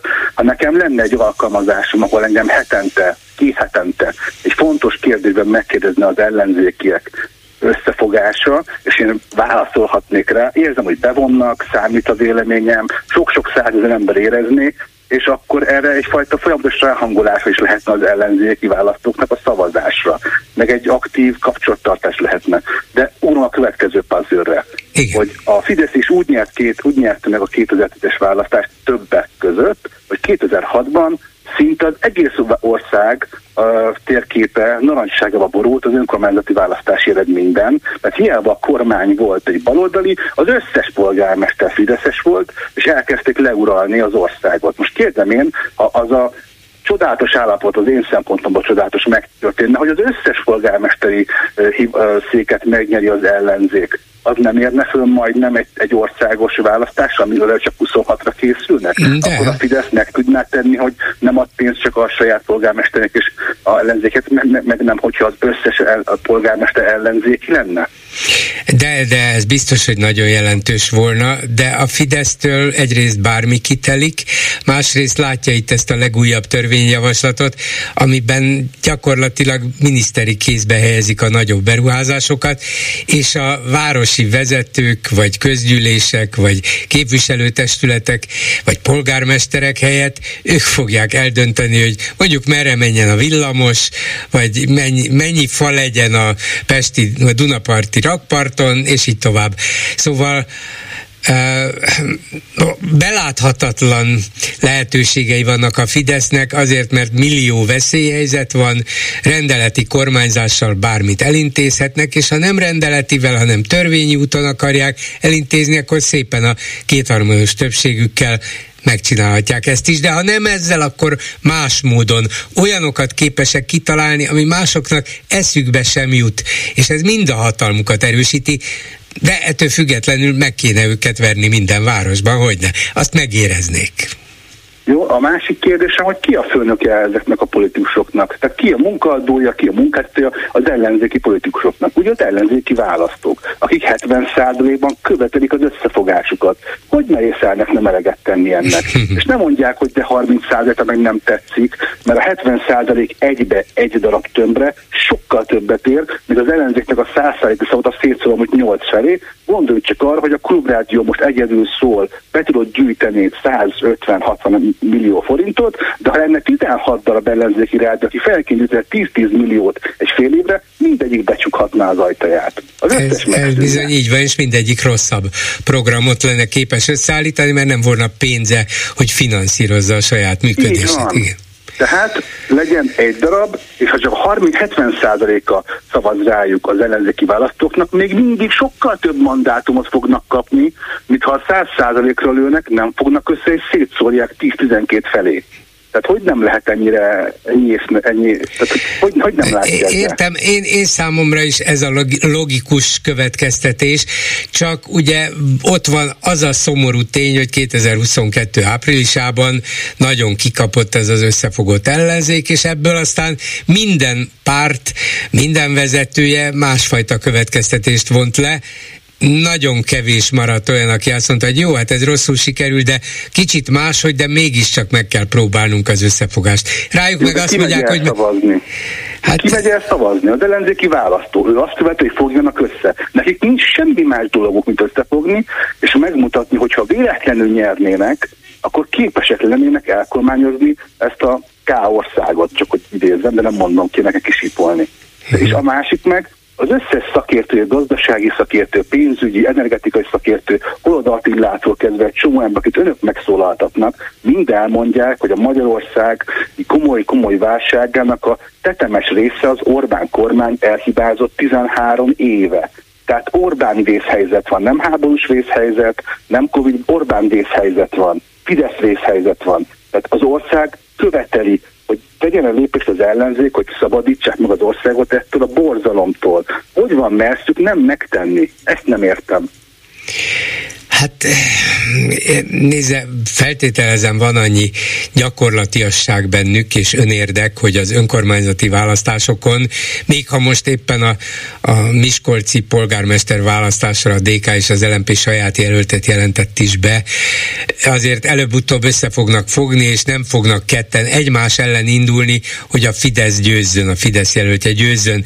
De én még azt is problematikusnak érzem, hogy a most következő hónapokban elindul majd ez az egymás lögdösése, hogy én jobb vagyok, te nem voltál elég jó, téged nem támogatunk, mert ez azt az érzetet fogja kelteni az ellenzéki választóban, hogy ezek nem tudnak egymással kijönni. Ha a végén mégis megteszik, akkor már nem fognak olyan lelkesedéssel és meggyőződéssel rájuk szavazni.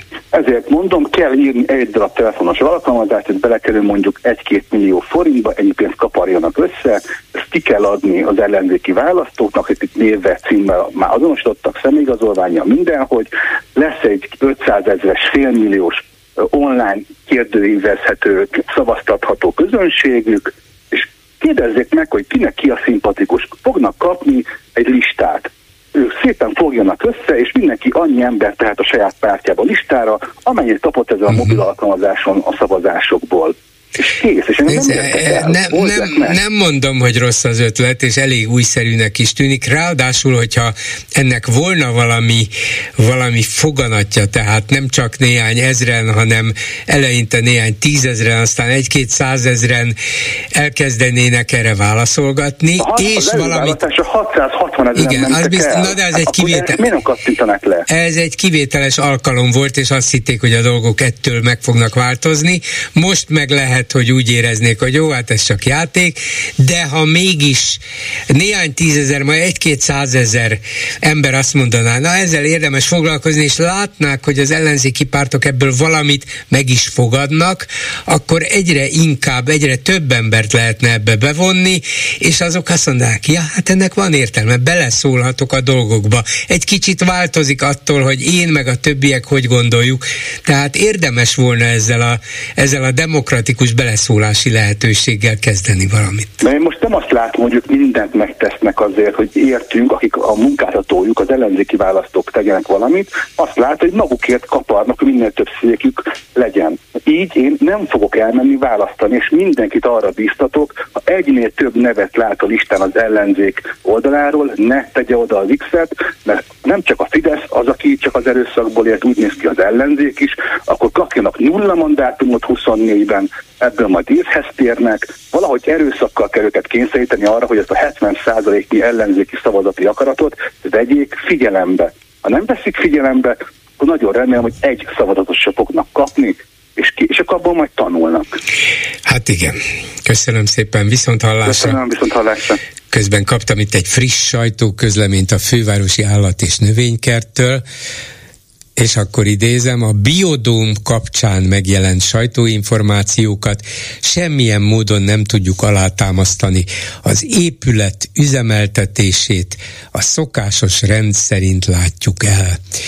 Ugye volt egy Bősz Anett által, főpolgármester helyettes által tett nyilatkozat, hogy nem nincs már pénz a biodom fűtésére, ez egy több száz millió forintos kiadás lenne, és ezért még akár az is bekövetkezhet, hogy leomlik ennek a szerkezetnek a teteje. Hát úgy látszik ezzel a fővárosi állat és növénykert vezetése vagy nem ért egyet, vagy mást tud, vagy másképp tudja. A szokásos rend szerint közötti üzemeltetés, hogy pontosan mit jelent, azt nem tudom, de feltételezem, ebből az következik, hogy azt jelenti, hogy amikor tél van, hideg van, akkor fűteni fognak, akár mennyibe kerül, és akár ki fizeti majd ezt ki. De akkor bízunk benne, hogy nem fog összeomlani. Egy betelefonáló a vonalban, jó napot kívánok! Üdvözlöm, vidéki közgazdász. Parancsoljon, hallgatom. És jó estét, nálunk itt vidéken már beesteledett. ne, ne szomorítson el, bár hamarosan óra, óraátállítás is lesz, és akkor aztán végképp sötét lesz már fél öt fele, úgyhogy áttérünk a korai jó és estétre, de mondja. a barátomat is, mert biztos már tűkönül, úgyhogy nyugodtan Nem várja. még, vagy lehet, hogy tűkönül, de nem itt. Úgyhogy ja, nem még látom. Nincs bent, még nincs bent. Annyit a biodomhoz, hogy e, ezzel kapcsolatosan akkor Maksa Zoli felfrissíthetné a poénját, hogy éjjel két rivális banda is betört a biodomba, de végül az angyalföldiek vitték el a pálmát. Volt egy hasonló poénja fővárosi állatok Hát igen, csak az, az a pálma még nincs ott benn, mert szerintem, bár mondjuk az eddigi melegben a pálma is életben maradt volna, talán a mhm. tél, telet már nem élné túl.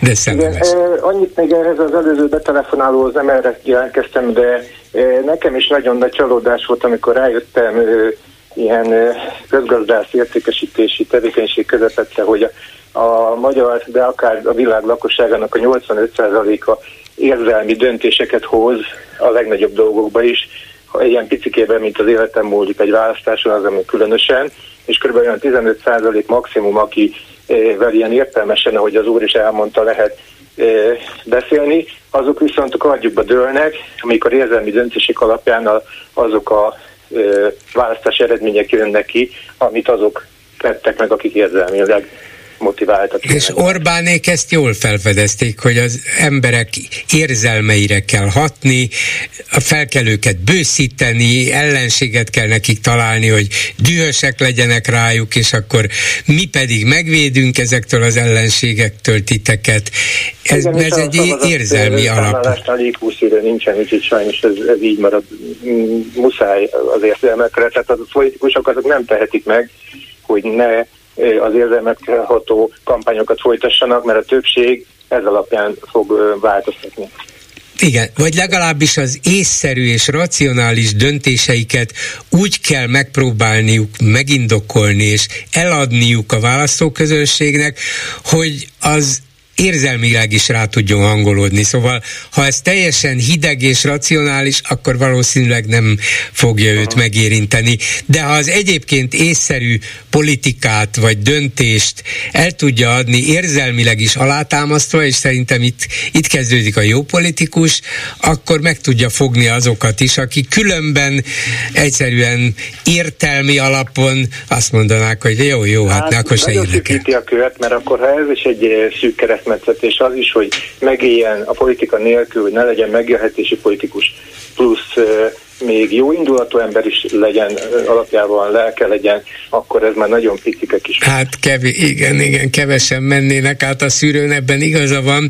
De hát ha? mégis erre kéne törekedni, hogy, hogy értelmes legyen a politikus, legyenek racionális elképzelései arról, hogy országot, várost, világot hogyan próbálná befolyásolni a döntéseivel, milyen irányba kívánna vinni, de hogy győzze meg erről érzelmileg a hallgatós hatóságot, a választót, a közönséget. Hát ezt, ezt a hidat kéne valahogy fölépíteni, és hát közben még tisztességesnek is maradni. Igen, igen, nehéz Nagyon dolog. Igen. Amihez hozzá akartam szólni, elsősorban vártam, hogy valaki az illetve marketingjéről, tehát ugye gondolom le vannak tiltva talán, de ugye semmi olyat nem mondok, mert nekem nincsen se információm, se nem voltam, se árufeltöltő, se középvezető ennél a cégnél, csak kérdezni, kérdezni fogok, és akkor mindenki gondolkodjon el, és akkor így jogilag nem vagyunk támadhatók se ön, se a klubrádió, se én, hogy gondolkodjanak el, hogy mi lehetett az oka, mert ennél rosszabb marketing, mint hogy támogatok valakit, ezt nagy elánnal bedobom a Facebookra, és utána le kell szedjem, ez, ez borzasztó rossz marketing, tehát nagyon komoly oka kell, hogy legyen, hogy változtatniuk kellett. Hát igen, ők kiadtak egy közleményt, ami úgy szól, hogy a cég adományozási stratégiája mentén, hát ez már rosszul kezdődik, a rászoruló családokat, kisgyermekes családokat és fenntarthatósági célokat támogathat a kisgyermek és a család, az, meg a fenntarthatósági célok, az nem ugyanaz, de mindegy. A Corvin hát igen, Biztos, hogy vannak az alkalmazottaknak is kisgyermekeik, akik a megélhetésüket elveszítenék akkor, hogyha összemenne ez a cég, hogyha kiüldöznék emiatt, igen. hogy fekete listára kerülnek. Igen, igen. De szóval hát azzal indokolják, val- csak ilyen elképzelés. Igen. Valahogy azzal indokolják, hogy az adományozás kapcsán különösen fontos a megbízhatóság és a transzparencia számunkra. A kialakult helyzetre való tekintettel úgy döntöttünk, hogy az ügy hát tisztázásáig... Hát mert így betenném a szekrénybe, tudnék írni. Igen, igen. Egyébként kitanultam ezeket az iskolákat, csak nem akarok. Igen, igen. Az ügy tisztázásáig a támogatást elhalasztjuk. Hát valószínűleg nem tudom, hogy későn fedezték föl, hogy ez egy, ez egy nagyon konfliktusos ügy, hogy itt Iványi és a jótékonysági szervezete és az intézményei, azok egy nagyon súlyos vitában állnak a kormányzattal, a hatóságokkal. Hát ez egyértelmű az, volt. hogy nem mi gondoltak erre, az egy jó pont számukra, hogy még nem gondolták, én is találkoztam személyesen ilyen véleményekkel, hogy hát még nem tartunk ott. Sajnos tartunk ott, de Gondolkodjon el mindenki ennek kapcsán, aki ezt így tudja értelmezni, hogy hogy ez mit jelent, hogy a lakókörnyezetében nem engedik, hogy a klikkes iskola kapjon egy támogatást, hogy egy Iványi Gábortól megtagadják a, az ingyen pénzt, ami marketing célokat is szolgálna, mindezt azért, mert valaki haragszik és bosszút akar állni, hogy, hogy ez olyan kicsinyes dolog, hogy ezek visszajutnak nagyon sok nagy dologba, megélhetésünkbe. Itt élje meg ez alapján lelkiismeretőleg ezt a mostani vezetést, és hozzon így döntést a elkövetkező választásokon. Hát igen, de ez teljesen olyan reakció, amiből az ember arra következtet, hogy már tényleg mindenki, még a legerősebbek is reszketnek attól, hogy jaj, mi lesz attól, hogyha ezt a Fidesz vagy a miniszterelnök megtudja, hogy fog lecsapni ránk. Legyen ez is kontraproduktív, legyen egy nagyon jó oknyomozó újságíró, aki kinyomozza ennek az ügynek is a döntési hátterét, a döntés megváltoztatásának, a másik döntésnek a hátterét, és nyilvánosságra tárja, és akkor utána mindenki döntse, hogy mennyire szimpatikus neki ez a fajta beavatkozás. Hát igen, eldöntheti. Ha létezik, mert ugye nem tudok róla semmit, csak elképzeléseim vannak. Igen, köszönöm szépen. Köszönöm. Viszont hallásra. És ha nem is tükön, de a széken ül Lőrinc Saba, hogy elmondja a Facebook kom- kommenteket. Szia Gyuri, köszöntöm a hallgatókat. Hát, hogyha tükön ülnék, akkor valószínűleg már előtt tudták volna a hallgatók, hogy itt vagyok bent. Igen. Az kommentelők Izrael és Orbán Viktor viszonyát firtatták rengetegszer. Az Izraelt ezerrel támogató Fidesz. Érdekes, viszont ehhez nem szólt hozzá senki. Hmm. De a Facebookosok elgondolkodtak igen, rajta igen. helyes. Az Izraelt ezerrel támogató Fidesz vajon mit válaszolna, ha Izrael megkérné, azzal támogatná bennünket legjobban, ha főszövetségesünket, az USA-t nem bántanád. Valamint ellenségeinket támogató Putyint. Hát igen, igen. Bár az iz- izraeli miniszterelnök Netanyahu igyekezett um, Putyinnal sem összeveszni, és, és nem egyértelműen állt oda Ukrajna mellé, úgyhogy ami Putyint illeti, talán Netanyahu-nak is volna bizonyos mm. magyarázni valója. Bárhogy is, én úgy gondolom, De hogy... az Egyesült Államok a legfőbb támogatójuk, úgyhogy szerintem Izrael nem engedheti meg Így magának. Van, és hogy... ez a jelen helyzetben eléggé faramúci szituációba sorodolta a kormányt. Vajon ha 2023. október 7-én nem Orbán Viktor barátja, Benjamin Netanyahu, az izraeli miniszterelnök, akkor is azonnal és teljes messzélességgel állt volna ki a magyar kormány Izrael mellett? Hát mély levegőt veszek, és, és azt mondom, hogy nagyon remélem. Aztán Pressman esetleges kiut, kiutasításával kapcsolatban egy gondolat. Vajon az amerikai Egyesült Államoknak vagy Magyarországnak több a veszteni valója egy ilyen cirkuszban? Mindenképpen nekünk van veszteni valunk, csak ha igaz lenne az, amit Jeszenszki Géza elképzelhetőnek tart, hogy egy ilyen és egyre élesedő konfliktus nyomán akár az amerikai kormányzat is dönthet úgy, hogy inkább visszavonja a nagykövetet, mert láthatóan annyira elmérgesedett a viszony, hogy ő már itt nem tud semmiben eredményt elérni, és lehet, hogy egy másfajta megközelítéssel nagyobb sikert érnének el a magyar kormány befolyásolásában, vagy jobb útra terelésében. De hogyha ez történne, akkor ezt Orbánék a totális sikerként mutatnák be, hogy látjátok, nem kell megijedni ezektől, győztünk, visszavonták, menek, fut Bécs felé, Pressman a gyáva, vagy fut Washington felé, Pressman a gyáva, és így tovább, onnantól kezdve meg azért lenne az Egyesült Államok defenzívában, hogy lám, megfutamította őt a bátor magyar miniszterelnök. Ugye elképzelem, hogy Donald Trump feltűnik, mint nagykövet nálunk. Ha, na ez jaj, de jó ötlet, hogy Biden kinevezné Donald Trumpot budapesti amerikai nagykövetnek. Remek, ez jó ötlet. Igen, csak hát ilyen olvasókönyv szintjén mozogna a kommunikáció az én megközelítésemhez. Jeszenszki úr megjegyzéséhez így a következő komment, miszerint 90-ben a magyarok döntő többsége Amerika és nyugati párti volt. Valóban így van, azonban mostanra már nem a 90-es évek Amerikája és nyugatja van, így a komment vége. Ezzel az a baj szerintem, hogy Magyarország, hogy Magyarország nem változott az évekkel megfelelően, tehát ha mégis, akkor inkább visszafelé. Hát meg persze, hogy nem ugyanaz Amerika sem, meg Nyugat-Európa sem, de azért a rendszerváltás előtti Amerika vagy Nyugat-Európa sem volt tökéletes, ahhoz képest mindenképpen az egyetlen lehetséges alternatíva, amit a, amit a szovjet rendszerből adódó egy pártrendszer uralma volt, és, és nyilvánvaló, hogy azt az utat kellett normálisan követni, de most is ugyanez a helyzet, hát nem, hogyha összehasonlítjuk a putyini Oroszországot és a Biden vezette Egyesült Államokat, vagy a Scholz, vagy Macron vezette Német és Franciaországot, vagy az Európai Uniót, akkor nem lehet kétséges, hogy hova állunk, de Orbánék állandóan azt éreztetik, mintha ez kétséges volna.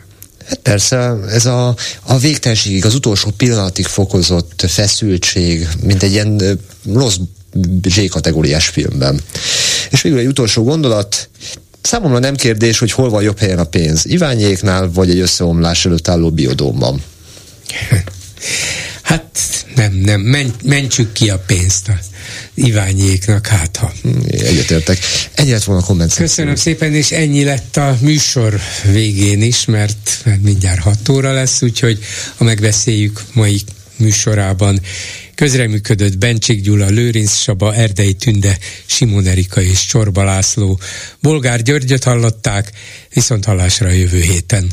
Most pedig jön az Esti Gyors. Esti Gyors, a hírek háttere. Jó estét kívánok, Sámeszi János vagyok, ez itt az Esti Gyors, a szerkesztő Helskovics Eszter.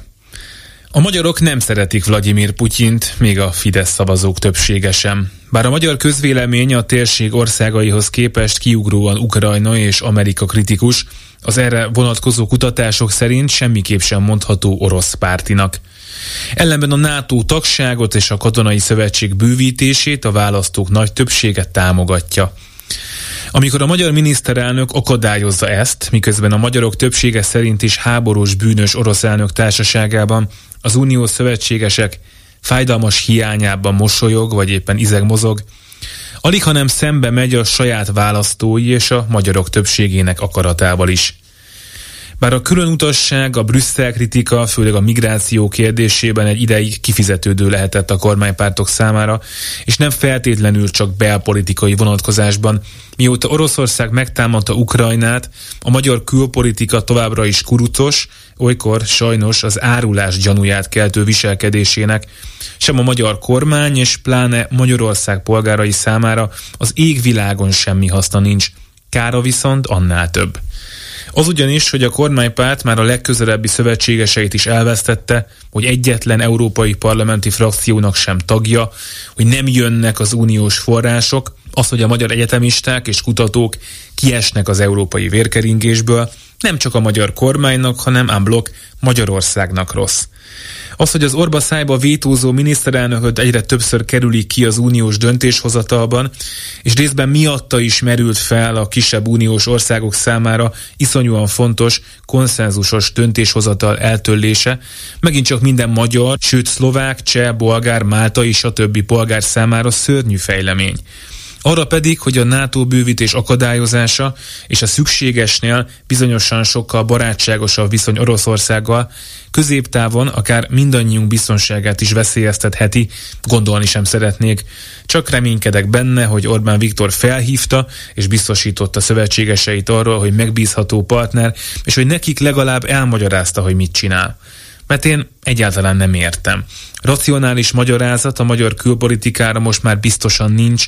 A megváltozott uniós hozzáállás miatt a kormány már a saját személydomján sem kapirgálhat úgy, ahogy akar. De még nem késő. A miniszterelnök félreteheti személyes szempontjait, érzelmeit, elgondolkodhat azon, hogy mi a jó az országnak, amit nyilvánvalóan szeret, és mi az érdeke az embereknek, akiknek a képviseletére felesküdött. Rá kell, hogy jöjjön, hogy a külpolitikai irányváltás mindannyiunk érdeke. Ha viszont arra jut, hogy az övé nem, akkor nagyon nagy baj van. Esti gyors, a hírek háttere.